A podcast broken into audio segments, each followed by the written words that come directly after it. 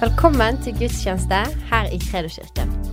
Nå så hører du på en av våre taler fra forrige søndag.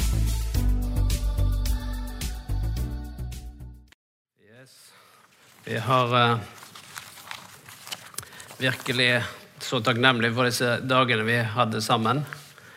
Og uh, en ting som er helt tydelig, det er at jeg tror Herren holder på med noen ting. Og det gjør han ved å bygge sitt ord inn i våre liv. Og da sender han folk til oss som eh, vi som har den utrustning som skal til for å utruste oss. Og eh, det var det jeg opplevde disse dagene. At eh, eh, Ankit, eh, pastor Ankit han bærer noe ut fra det han har levd i flere år. Og så merker vi på en måte at han gir liv, han gir åpenbaring, han gir innsikt. Og så utfordrer han oss alle sammen til å ta noen steg sammen med han. Og eh, det er en god ting, eh, fordi eh, noen ganger så hører vi Guds ord, så går vi hjem igjen og så sa vi dette var fint. Men det står at den som hører Guds ord og gjør etter det, han er det som kommer til å se vekst og utvikling i livet sitt. Så jeg er veldig takknemlig for disse dagene. Og vi tror at dette har satt i gang noen ting eh, i mange samtidig. Og det skal vi se resultatet av litt lenger fram. Og eh, det var mye respons fra alle de som eh, var til stede disse dagene. Og eh, det, er, det, det betyr mye for, eh, for meg. For det var jo sånn at eh, det var David Engebretsen. Han hadde vært på møte der i, i Delhi.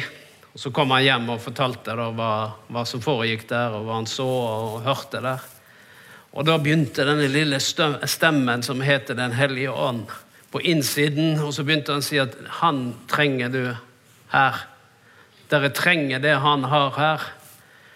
Så, og dette fortsatte, og så var familien til Johnny Batti eh, og sønnene de var her i sommer. Og så eh, sitter jeg med han, han Abhishek, sønnen til Johnny Bhatti i India. Så sitter jeg der og prater med han, og så sier jeg det. Eh, jeg tror vi må få anket til Norge, sier jeg til han. Vi må, eh, jeg tror vi trenger det som, som han har. Så da sitter jo han der og sender melding med en gang. Får jeg et svar en dag etterpå at ja, han er klar, han kommer. Så det var sånn det begynte. Men for å være ærlig så visste jeg ikke helt hvem jeg inviterte. Så det var òg bare en respons til det jeg kjente her inne. Og så skjønner du at ja, det er Gud som holder på med noen ting. Det er han som driver og bygger eh, sitt rike og sitt folk for sin hensikt. Og, eh, så det er en spennende reise. Og eh, i Johannes, eh, nei, Johannes 1,12 så står det slik at alle dem som tok imot ham, de- dem gav han rett til å bli Guds barn. Alle dem som tok imot ham, ga han rett til å bli Guds barn. Og eh, Noen ganger så eh, blir det slik at når vi tenker at vi er Guds barn, så er Gud langt borte, og så er vi hans barn. Men eh, det, det å tenke på oss selv som Guds sønn og Guds datter, da blir det mye nærmere forhold. Fordi Guds barn, da blir det liksom ja, Jeg er bare en i mengden. Jeg er Guds barn. Jeg er en i mengden fra Gud. Men hvis du eh, det, ser på deg selv som en sønn og en datter av Gud, da får du mye mer personlig eh, nærhet til Gud. Ok, jeg må ta det en gang til. Skjønner det? Dette må jeg ta en gang til. Er det ikke sånn at du får en generell melding? Men hvis du får en personlig melding, da svarer du. Og eh, av og til så sendes det ut sånn masse e-poster. Masse reklame som du får. Hva gjør du med det? Det er jo ikke til deg, det er til hvem som helst. Og Noen ganger er det sånn at når vi leser Guds ord, han snakker om Guds barn, så er det til hvem som helst. Men han snakker til meg. Han snakker til meg personlig fordi jeg er hans sønn, og du er hans datter. Og Derfor så, så, så er det det eh, det hele begynner med. Det at alle den som tok imot ham, kan han rett til å være Guds barn og Guds sønn og Guds datter. Og eh, la oss nå gå til Romerbrevet, kapittel 8, 14. Romerbrevet 8, 14.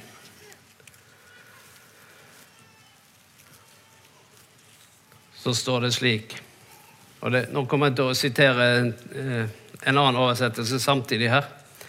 Eh, men her står det at alle som drives av Guds ånd, hva er det de er? De er Guds barn, står det. Nå har vi akkurat sagt at eh, de som tok imot han, de er Guds barn. Og alle de som drives eller ledes av Guds ånd, de er Guds barn. Dere har ikke fått ånden som slavene har, så dere igjen skulle være redde. Nei, dere har fått ånden som gir rett til å være Guds barn. Eller som det står, barnekårets, sønnekårets ånd. Dvs. Si at vi har fått retten til å være Guds sønner. Og den som gjør at vi roper 'Abba, far'.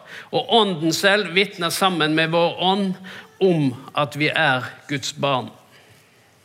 Så alle de som ledes av Guds ånd, de er Guds sønner og døtre. Fordi at det er en rettighet vi har.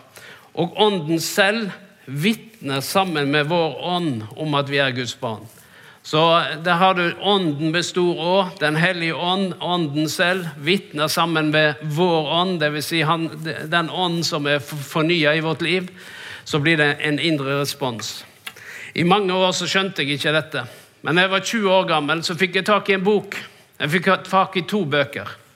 Og eh, når jeg ser tilbake på mitt liv, så så jeg at de to bøkene jeg fikk tak i den gangen, de, for, de, de, forandra hele mitt liv. De endra på hele mitt liv. For plutselig så skjønte jeg at Gud opererer med meg personlig. Han vil snakke til meg personlig, han vil lede meg personlig. Jo, han, han, han taler til hele sin kirke, samtidig som han leder meg personlig. Og eh, det var to bøker. Den ene var av Kenneth Hagen. Den andre var av Lauren Cunningham. Det var han som etablerte Youth with a Mission, altså Ungdom i oppdrag. Og eh, Denne boka av, eh, av Kenneth Hagen den heter 'Hvordan du kan bli ledet av Guds ånd'. Og så tenkte jeg ja, jeg er 20 år gammel nå. Jeg har vært i denne menigheten. I vokst opp i, i, i, i menighet og hørt mye opp igjennom. Men det er ingen som har sagt til meg at jeg kunne vært, være leder av Guds ånd. Vi har snakket om at ånden faller, og ilden faller, og alt mulig som faller. Eh, men ingen som har sagt at eh, Gud vil lede deg personlig. Så for meg så ble det en helt ny åpenbaring. Og jeg begynte å lese denne boka av Kenneth Hagen som heter 'Hvordan du kan bli ledet av Guds ånd'. Og Da snakker han bl.a. om det, dette verset her, at eh, de som ledes av Guds ånd, de er Guds barn. Fordi at eh, Ånden selv vitner med vår ånd. Det er på en måte at det, du har i ditt indre en respons av det som eh, Gud leder til. Og han leder deg gjennom sitt ord. Han leder deg gjennom eh, Den hellige ånds ledelse. For det står jo det at når Jesus eh, gikk opp, så sa han at Faderen skal sende dere en annen talsmann. Og hva var det han skulle gjøre? Han skulle lede dere. Han skulle guide dere, han skulle åpenbare Skriften, han skulle åpenbare Kristus for oss. Og denne hellige ånd den flytta jo inn, for Jesus da han blåste på disiplene, Så han ta imot Den hellige ånd. Og plutselig så skjedde det en forvandling i deres liv. Og Sånn er det med oss òg. Når vi tar imot Jesus Kristus, så flytter Den hellige ånd inn, og vi blir nye skapninger. Men i hvert fall så var det denne boka, og det ble en sånn nysgjerrighet i meg. At kan jeg leve i dette? Kan dette være mitt liv? Kan jeg høre Guds stemme? Kan jeg kjenne igjen Gud i, i Guds ord? Kan han tale til meg gjennom ordet sitt? Kan han lede meg på forskjellig vis? Og så var det en annen bok. Det var Lauren Cunningham, som, som boka heter eh, 'Er det virkelig deg, Gud?' om å høre Guds stemme. Og Der fortalte han der i boka om hvordan eh, eh, Ungdom i oppdrag ble starta, og hvordan han, han, skulle følge Guds plan og Guds ledelse. Og, og, og, og, disse utfordringene og disse brytningene som du står i noen ganger. For er det virkelig det, Gud? Har du vært borti det noen gang? Så det var en veldig god tittel. Og De to bøkene de leste jeg mange ganger. og Så begynte jeg å studere Skriften. og Så begynte jeg å søke Gud. Og så ble jeg desperat. Gud, jeg ønsker ikke bare å leve et helt ordinært kristenliv. Jeg ønsker å leve slik at jeg følger deg. For, for du vet Jesus, når han kalte disiplene så eh, var ikke Gud, Guds kall til disiplene sine var ikke tro, tro på meg, Å, var det ikke det? Nei. Bare han sa når han møtte disiplene på stranda der? Ja, tror, tror du på meg? Nei, han sa 'følg meg', sa han. Følg meg, sa han. Og de trodde på han, det var derfor de fulgte han. Men det er det han, det er det han har kalt oss til, det er å følge ham. Så, så derfor så er det slik at tro og etterfølgelse det henger jo sammen. Men når Jesus gikk der på stranden, det, eller gikk der i Kapernaum, så var det ikke en sånn generell eh, henstilling, liksom. Følg meg. Og så så han seg rundt. Og Så gikk han, og så så han hvem som Nei, han gikk til hver enkelt en. Han gikk til tolleren, han gikk til Peter og Johannes. Han gikk til den ene etter den andre, Nathanael og forskjellige som, som var rundt der. Så sa han 'følg meg', sa han. Følg meg. Så og Det er det som er at Gud opererer med oss personlig. Og Han vil lede oss personlig fordi at vi har et personlig disippelskap. For det å være en disippel av Jesus, det er å, å gjøre det han sier i sitt ord. Og så er det å følge det han ønsker å lede oss til. Og Dette var begynnelsen på denne reisen for meg. Det var at jeg begynte å eh, søke Gud. Det var denne trosvandringen hvor vi ikke er overlatt til oss selv for å se hva som skjer men det er det at han har denne talsmannen, Den hellige ånd, på innsiden som hjelper oss. Og eh, Det gikk opp for meg at jeg er jo Guds sønn. Og som Guds sønn Nå er ikke jeg Guds sønn Jesus Kristus, men eh, sant, sånn at ikke det nå kommer ut liksom han har begynt å nå han tørner for han her. Liksom, for det er jo det klippet de legger ut på internettet, er at eh, Olav Rønn og de sier han er Guds sønn. Yes. Nå skal vi se når han kommer til å gå på vannet. Nei, det blir ikke før neste uke, så det, følg med. Eh, men jeg skjønte det at eh, som, som, Guds sønn så vil Gud tale til meg, så vil Gud lede meg. Og uh, dette her ble på en måte begynnelsen på, på, denne reisen. Disse bøkene de satte i gang noe i meg. Og så begynte jeg å ta noen steg. Og begynte jeg å, å, å si, 'Herre, jeg ønsker at du skal lede mitt liv.' Jeg ønsker at og følge din plan med mitt liv. Jeg ønsker ikke å gå min egen vei. Men du må lære meg, Herre. Du må lære meg hva jeg skal gjøre. Og Jeg hadde ikke hørt Guds stemme noen gang. Jeg har ikke opplevd at Gud leder meg noe sånn spesielt. Jeg hadde nå gjort det som falt meg inn, og mange, noen ganger var det Gud, andre ganger ikke. Det, det var jo litt eh, Sånn kan det være fremdeles, forresten. At når vi gjør det som faller oss inn. Men uh, i hvert fall så, så dro jeg på en, eh, en konferanse oppe i Oppdal. Det var pinsekonferanse. Det var to predikanter der. Den ene het Åge Åleskjær, den andre het Ulf Ekman. Og, eh, eh, så jeg var der oppe. Og eh, eh, der var det en stand. Det var Livets Ord Bibelsenter i Uppsala. De hadde en stand der så jeg gikk bort til denne standen for jeg tenkte ta med meg en brosjyre, for jeg visste det at nå skal du gå på bibelskole. Så, eh, så jeg gikk bort til den standen. Og så når, jeg tar i den brosjyren, så er det en bak meg som sier det 'der skal du gå'. Sånn. Så jeg snudde meg, men det var ingen der. Så skjønte at ok, du har jo bedt om at Herren skal tale til deg. Det gjorde han sannsynligvis akkurat nå. Så, eh, så jeg holdt noe, tok nå med meg den brosjyren. Og så var jeg, måtte jeg i, var i eh, verneplikten et år, så jeg visste det blir ikke denne sommeren, det blir neste sommer. Men når jeg da skulle fokusere inn på det som jeg opplevde, at Guds tydelige røst, så kom det så mye forvirring. Fordi det var ingen av mine åndelige veiledere som anbefalte det Gud anbefalte. Har du vært borti det noen gang? Pastoren min han anbefalte en annen bibelskole. Foreldrene mine de anbefalte noe annet. Vennen min eh, anbefalte enda en annen bibelskole. Det var ingen som anbefalte den bibelskolen som Herren anbefalte. Så jeg var helt alene med disse tankene. Jeg fikk ingen oppbacking. Så kanskje det var sånn Herren begynte å trene meg til å være pastor. Det er ikke alltid du får så mye oppbacking. Du må bare gå på det du opplever er, er, i ditt indre. Så det var en sånn brytning på dette i meg fordi at ja, men ingen bekrefter Guds røst i mitt liv, bortsett fra Herren selv. Så jeg eh, ble veldig forvirra. Jeg, si det. jeg gjorde noe som ikke Nei, jeg kan ikke si det engang. Fordi, fordi jeg hadde, le, jeg hadde, lest i den boka av Kenneth Hagen at, uh, at uh, du kjente fred i ditt indre når det var Guds ledelse. Men så var det en annen plass der var at du skulle ikke legge ut ull. Det var sånn at uh, ull, det var sånn ulldotter som han, Gideon la ute på marken. Og hvis han var våt Eh, på morgenen, da skulle han ikke gå til strid, men hvis han var tørr om morgenen, for han var jo alltid våt om morgenen, da skjønte han, da måtte det være Herren, og da skulle han gå til strid. Så, men det var på en måte at nå har vi fått Den hellige ånd, så vi trenger ikke å legge ut det ene og det andre. og Hvis det skjer, da er det Gud. Og hvis det ikke skjer Det er jo sånn vi holder på av og til. Så tenker vi at Gud skal lede oss gjennom det som skjer. Og så skjer det, og så trodde vi var Gud. Og så var det ikke det. Nei, men Han har ikke bedt oss om å holde på sånn.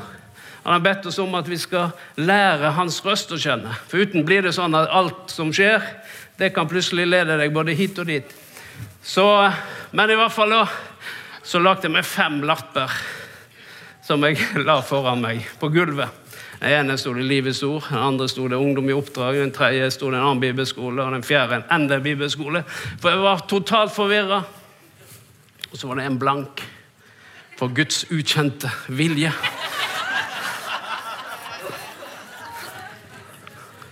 Så, så jeg eh, lå der på gulvet og ba. da, og La mine hender på den der. Kjente fred eller uro. Kjente fred eller uro. Holdt på bare sikkert fem-ti minutter over hver lappe. vet du. Og så kjente jeg det var den jeg kjente fred for. Da snudde jeg den, og der sto det 'Livets ord'. Ok, Da måtte det være Guds vilje. Helt til det gikk to dager. Da var det full forvirring igjen. Jeg skjønte dette her kunne ikke være Herren.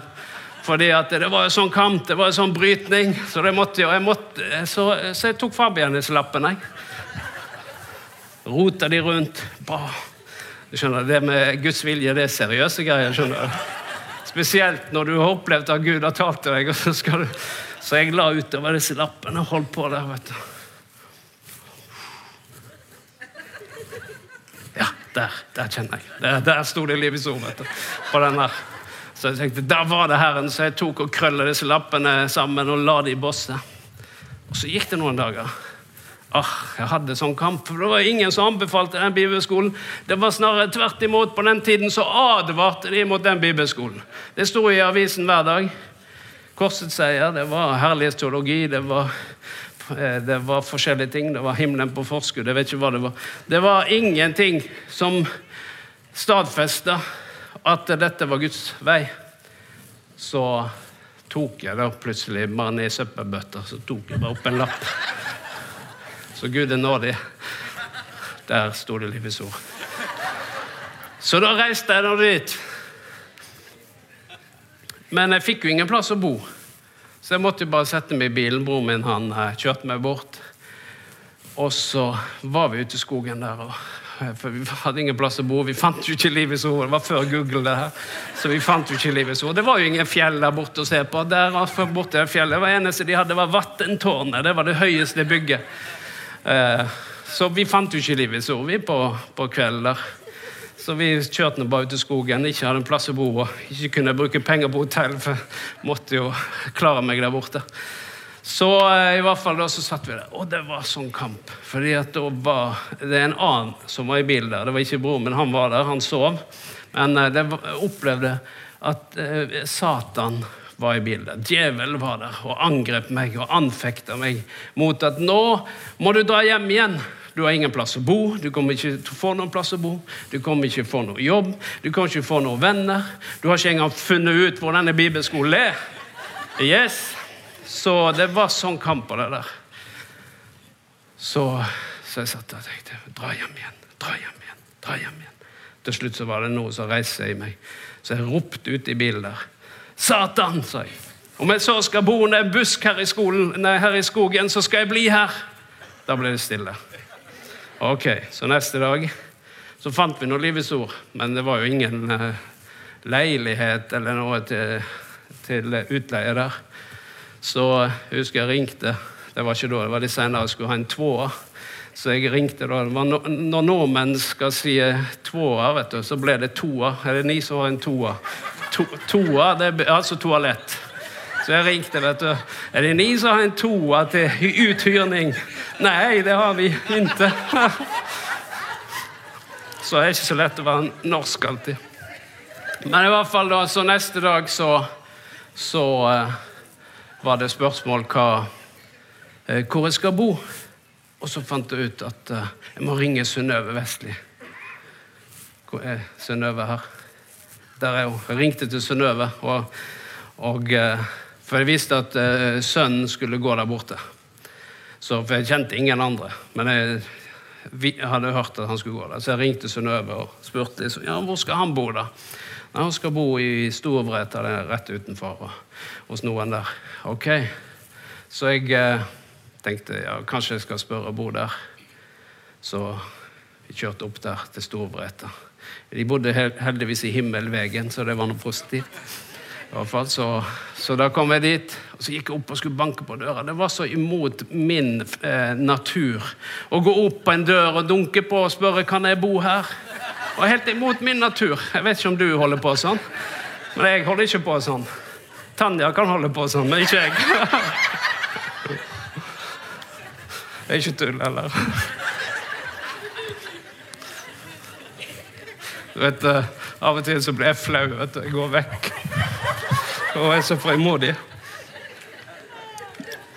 På visse ting så jeg, liksom, jeg kjenner ikke henne der. Liksom. Og så uh, ordner det seg, og da, liksom, ja, kommer jeg og nyter godt av hennes frimodighet. Ja da. Men i hvert fall da så gikk jeg halvveis opp veien der. og tenkte nei, kan jeg ikke, jeg gikk ned igjen. Og så var det en gang til. Kom uh, nesten opp til døra. Nei, kan du ikke gå her og dunke på en dør? Og så sier Bård meg, går han opp og spør, sier han. Enten får du ja, eller så får du nei. Ok, Gikk jeg opp og ringte på døra. Og så presenterer jeg meg sjøl. Der kommer Eva ut, og så presenterer jeg meg sjøl. Og så sier jeg liksom at jeg uh, skal gå på bibelskolen, og, og at jeg skjønte en venn skulle bo her, og lurte på om de hadde plass til en til. Kom inn, sier hun. vet du. Hva er det da som skjer? tenkte jeg. Jo, for Herren taler det til oss i dag på frokosten, sa hun. Om at vi skulle være gjestfrie og åpne våre hus, så du kan bo her, sa hun. Ok, da ordner det seg. Men det var, jeg måtte ta noen steg. Det var ikke slik at eh, Og når jeg skulle ta disse stegene, så var det en del brytninger. Det var noen brytninger, og noen ganger så er det sånn at når du opplever at Gud leder deg og taler om noen ting, det kan være i Guds ord, og du skal begynne å praktisere Guds ord, så er det ikke sånn at det, 'Å ja, dette var jo lett'. Ja, noen ganger kan det være sånn. Men når du da skal begynne å praktisere det, så kjenner du at det er litt brytninger. Fordi Guds ord er levende og virkekraftig. Og vi har en fiende som gjerne vil at du skal legge bort den boka her. Ikke anvende den, ikke spise av den, ikke, så den ikke skal bli en del av deg. Og Sånn er det òg når Gud taler om konkrete ting, og du begynner å bevege deg. Så det, kan det være full aktivitet for å få deg til å skifte mening. For at du skal endre kurs og gjøre noe annet enn det Gud sa. Så da fikk han en plass å bo og begynte på bibelskolen. Og der var det undervisning om det nye livet i Kristus, den nye skapningen. Det var at den var ren og rettferdig. Plutselig gikk det opp for meg at det var ren og rettferdig for Gud. Det var undervisning. Ulf Ekman han snakket om tro som overvinner verden. Så da skjønte vi det at det, det, det, det overnaturlige kan, kan eh, overvinne det naturlige. Den tro som er fra Gud, den kan faktisk endre på ting som i det naturlige ikke går. Så, så det var undervisning, og det bare prompa inni meg. Den troendes autoritet. Det å stå djevelen imot og, og, han skal fly fra deg. Du vet, eh, For noen så er jo djevel blitt en metafor. Det er bare en forestilling. Jeg leste det her i dagen om eh, det var noen eh, teologstudenter. Og da var det det at djevel er bare en metafor. Det er bare en forestilling. Yes. Det er derfor Bibelen sier at du skal stå imot denne metaforen. Tror du det? Og når Jesus sa han så, han så metaforen faller ned på jorden. Altså, Han sier det er så Satan faller ned, han. Så du vet eh, Jeg vet ikke så, hva, de lærer på det fakultetet, hvis de skjønner at eh, djevel det er bare en fantasi, det er bare en forestilling. Så nei, det var et sidespor. Ok. Han er reell. Og eh, det var det Jesus opplevde når han var i ørkenen. Så var det slik at eh, like før, du kan lese i Lukas 3, så står det at eh, Jesus han ble døpt. Han, eh, hvis du tar 3, 3.21, så, så står det at Jesus han ble døpt. Og så står det da han ble døpt, kom Den hellige ånd ned som en due. Da åpnet himmelen seg, og så kom Den hellige ånd ned. Og så var det en røst fra himmelen som sa, 'Dette er min sønn. Du er min sønn.' Den elskede, i deg har jeg behag. Så plutselig så begynner Jesus sin tjeneste der. Han begynner å bevege seg inn i det som var Guds hensikt fra begynnelsen av. Men hva er det det første han møter? Fordi det første han gjør, det er at han, han har en 40 dagers faste. 40 dagers faste. Og så i slutten av den fasten så står det at da blir han sulten. Og det er det som er at vi har en fiende. Han venter på det rette øyeblikket hvor du er svak. Og da står det da blir han sulten. Og da kom metaforen plutselig ut i ørkenen der.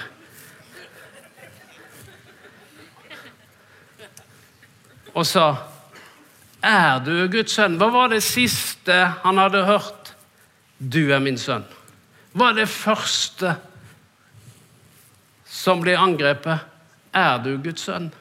Og det er det som ofte er når du får noe fra Gud, så begynner det å angripe. Når du begynner å bevege deg i forhold til det som du vet dette er Guds ord, dette er Guds ledelse, dette er Guds vei, så blir det brytninger.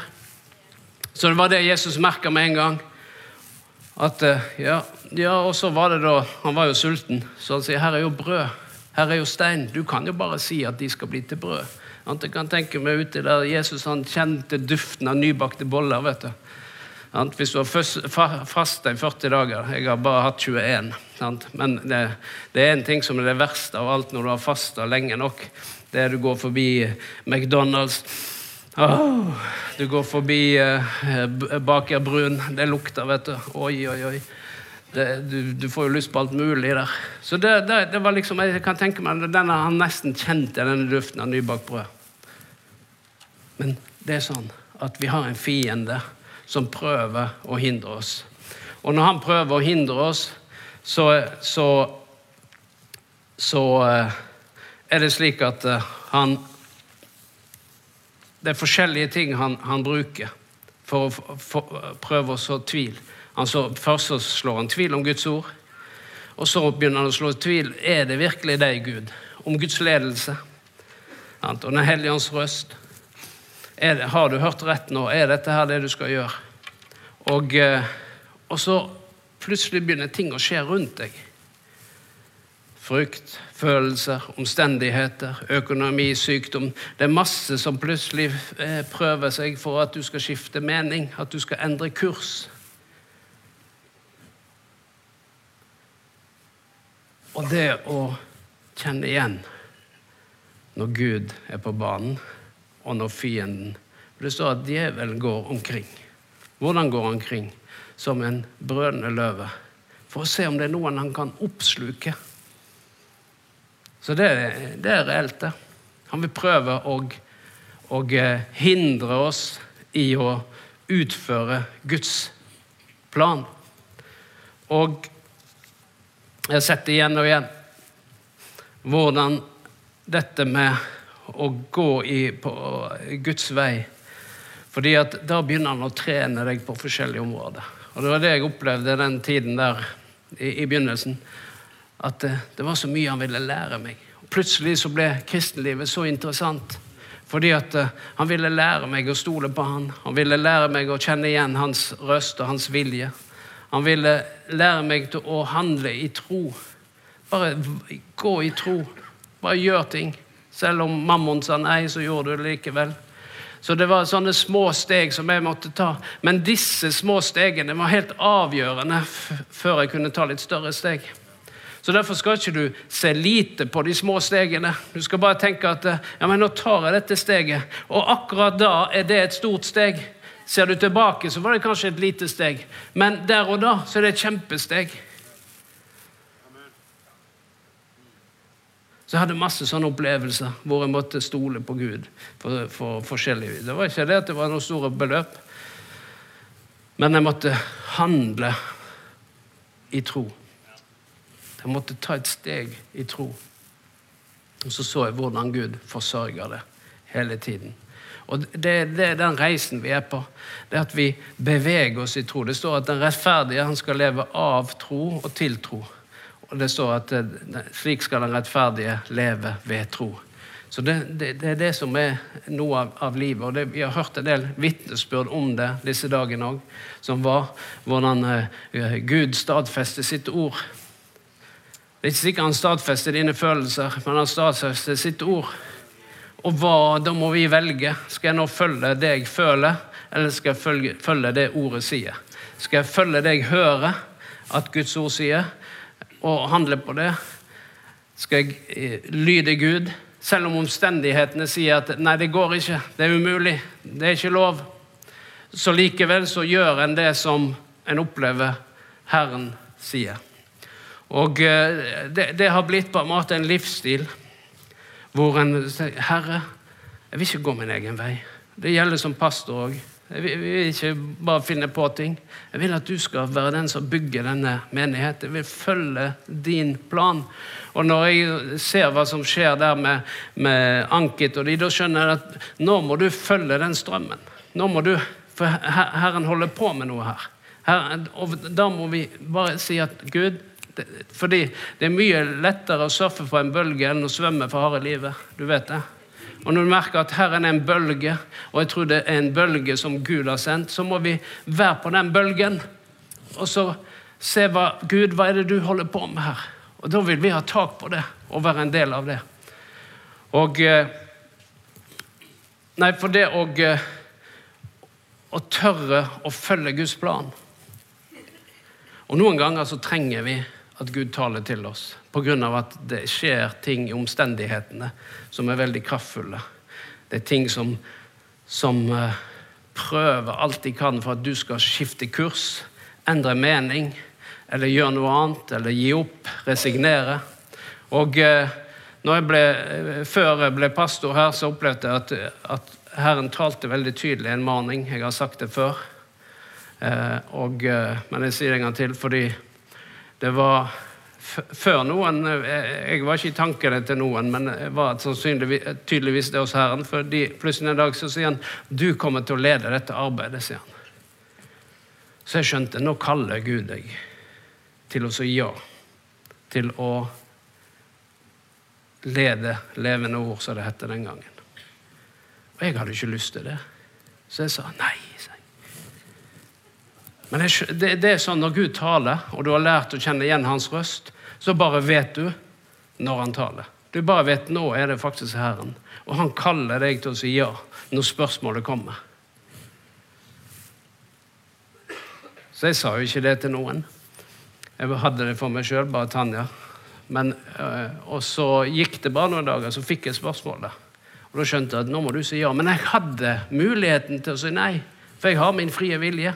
Så jeg kunne sagt nei. Og sånn er det med hver enkelt en. At når Herren kommer med noe, så har vi muligheten til å si ja, men vi har òg muligheten til å si, nei. Men jeg skjønte at egentlig så har jeg ikke den muligheten. Det var bare ett svar, og det var ja. Men så sa han ja, det ble nå sånn, som dere har forstått. Eh, og jeg har vært der siden. Men det, det var så mye brytninger etterpå i livet mitt og rundt meg. Eh, og det var så mye som skjedde. Eh, alt det der kan du høre på dagen, så det bør ikke si noe om. Men eh, jeg får si det, en liten bit av det kan du høre i dagen. Men i hvert fall så var det så, så mye brytninger. Og det var noe i meg. Det var noe som hele tiden, en stemme som hele tiden sa Gi deg, trekk deg, gi deg, trekk deg. Til å begynne med. For det var så mye som åh, Så jeg kjente det der. Fordi eh, en ting var økonomi og omstendigheter og forskjellig sånn, men dere har hørt Maria sin historie. Det var òg en del av det. sant? Hun forsvant ut. Og det var festing og drikking, og det var ingenting rundt meg som sa at jeg var på rett vei. Alle omstendigheter sa kutt ut, slutt, du har ingen autoritet, du er ingen myndighet.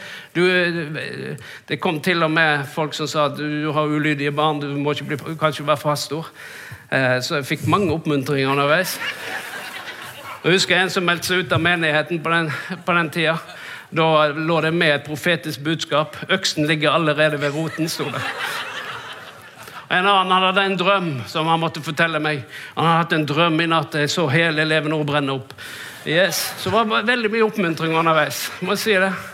Så alt bare sa 'gi deg', 'gi deg'. Har du hørt det noen gang? Når du begynner å røre på deg? Og Det var så Det var helt ille. Og det ble verre omkring meg, og det ble enda verre. Helt til den ene dagen hvor jeg skjønte nå må du gi deg. Da har det gått fire år. Jeg skjønte nå er du ferdig. Nå er det slutt. Nå må du bare gi deg. Og jeg var helt bestemt på det. At nå kan, du, nå kan det ikke gå lenger. Dette går ikke lenger. Og eh, akkurat da så den, eh, Bare den uka da alt dette pågikk, så var Ulf Ekman i byen. Han var ikke hos oss, han var, hadde et seminar. Men jeg hadde avtalt å spise frokost med han. Så jeg satt der og spiste frokost med Ulf Ekman på Hotell Norge. Og eh, jeg sitter jo der foran gudsmannen Ulf Ekman. Og så forteller jeg all elendighet i livet mitt. Jeg bare forteller hva som skjer. Og han hører på meg. Jeg bare prater, prater, prater. Det er bare ja, det er ingenting positivt. Jeg, så han hører på meg, og så skal jeg kjøre han ut til flyplassen. Så jeg, vi kjører utover. Når vi passerer lagunen og kommer akkurat forbi det, jeg vet hva som skjer. Plutselig så kommer Den hellige ånd over Ulf Ekman. Så snur han seg mot meg, og så sier han 'Djevel er fred på deg', sa han. Ok. Djevel er fred på deg. Han hadde, han hadde planlagt at det samme skulle skje med Levende Ord som med Karismamenigheten i Stockholm. For den, den, Det var bare året før, så gikk den konkurs. Det var en menighet som bare vokste vokste, vokste. Og så bang, smalt det, og så gikk alt til pieces. Så han sier at uh, 'Djevel er vred på deg', sa han. Fordi han hadde planlagt å gjøre det samme med Levende Ord som med eh, Karismakirken i Stockholm. Men han regner ikke med deg, sa han. Og så begynte han å be i Den hellige ånd, så det bare kostet inni biler. Oh, og han bra på, vet du. Det var så det spruta.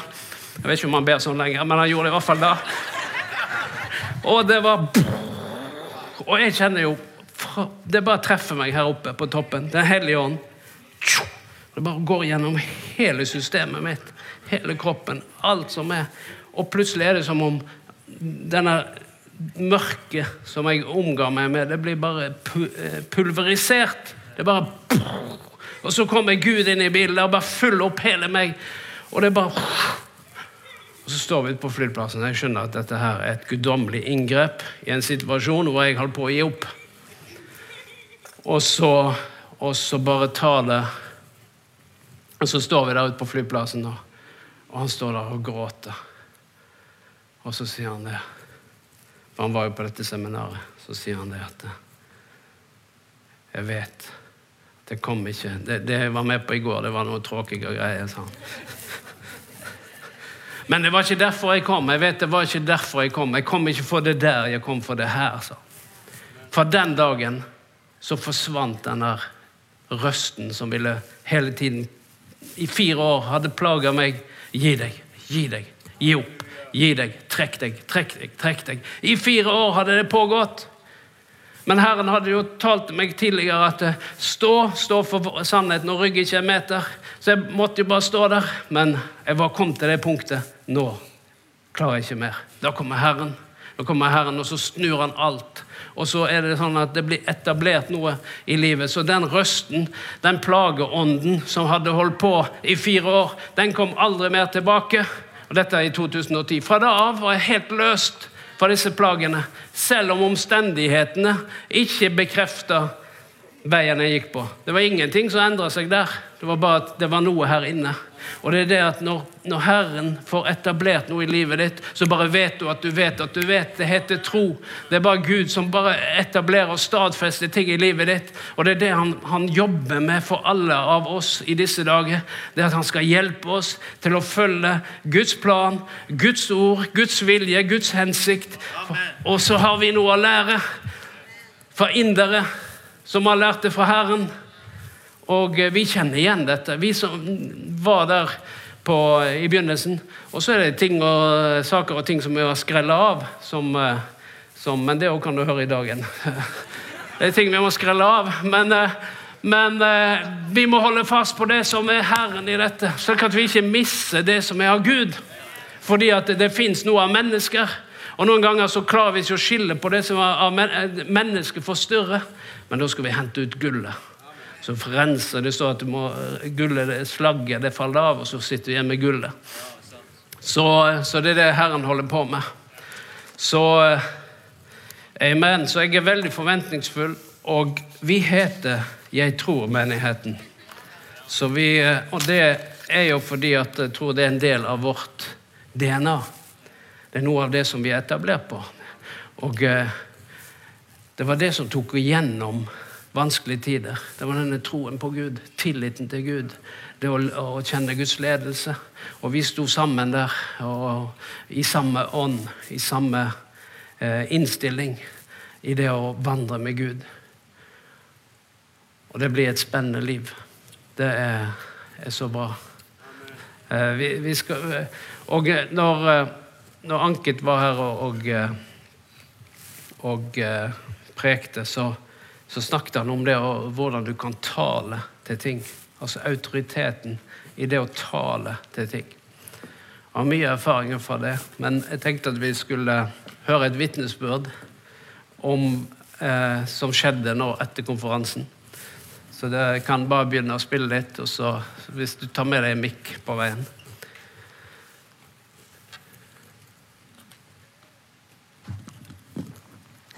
Så det er et ferskt vitnesbyrd med Lissa, som vi kjenner, som yes. synger her. og med i ungdomsarbeid og forskjellig. Ja. Så eh, fortell meg, hva, hva skjedde? Oh, det var veldig heftig. Det var faktisk Etter konferansen på mandag så var jeg ute og ja, tog med en joggetur da, for første gangen på typ sikkert to år. Så dagen efter hadde jeg extremt vondt i mitt venstre knä.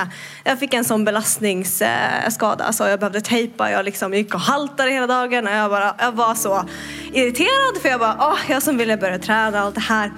Og så hadde vi livegrupper den kvelden, og jeg kommer ihåg Maria sa det at Melissa, Gud har inte gett dig modlöshetens ande. Jag bara, oh, nej det är sant, jag ska inte klaga på det här, vi vet ju kraften i ord. Och jag, men jag var irriterad alltså.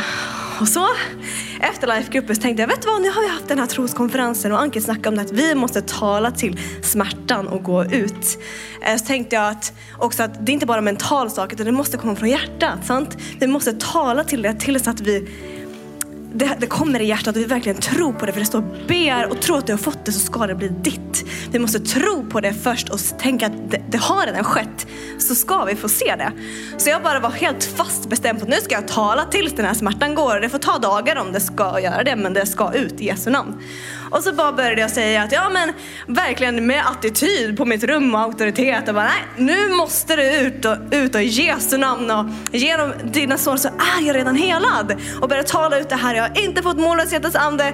Ja och bara börja tala ut det här och bara säga till det knät och påminna om att det har redan hänt. Det har redan skett. Jag är redan helad.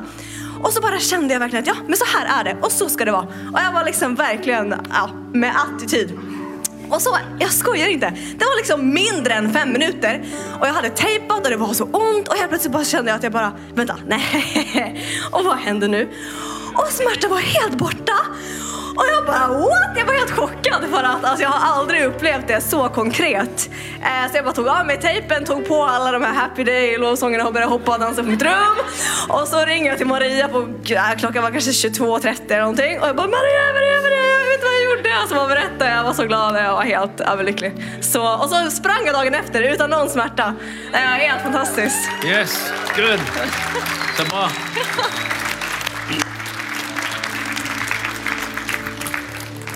Det er godt med sånne historier hvor en bare hører Guds ord, og så begynner en å handle på det. Og eh, Det er en reise sammen med Herren. Og eh, Derfor så, så er det på det å høre undervisningen som har vært disse dagene. Bare høre det igjen. Hør det en gang til. Bare lytt på det. Fordi at det, Noen ganger så hører vi én preken, og så går vi hjem. Og så hører vi en ny preken, og så hører vi en ny. Og den neste preken handler om noe annet enn den andre, og så er det den andre. Men det å høre ting om igjen og om igjen, det var, det som, det var sånn det begynte med meg. Det var at jeg hørte kassettserie av eh, Det var kassett. Så lenge siden er det. Og Åleskjær. Hellig og feilfri. Jeg hørte om igjen, om igjen, om igjen. Hellig og feilfri heter den. Det var om, om Guds nåde i våre liv, og rettferdigheten. Og så leste jeg disse bøkene om igjen og om igjen. Og så tok jeg til meg Guds ord om igjen og om igjen. Og i ett og et halvt år når jeg var borte i, i Uppsala, i ett og et halvt år så hadde jeg én bønn som jeg ba hver eneste dag i ett og et halvt år. Herre, gi mitt hjertes øyes lys, så jeg forstår. Ifra Efeserbrevet, kapittel eh, er det 1.17.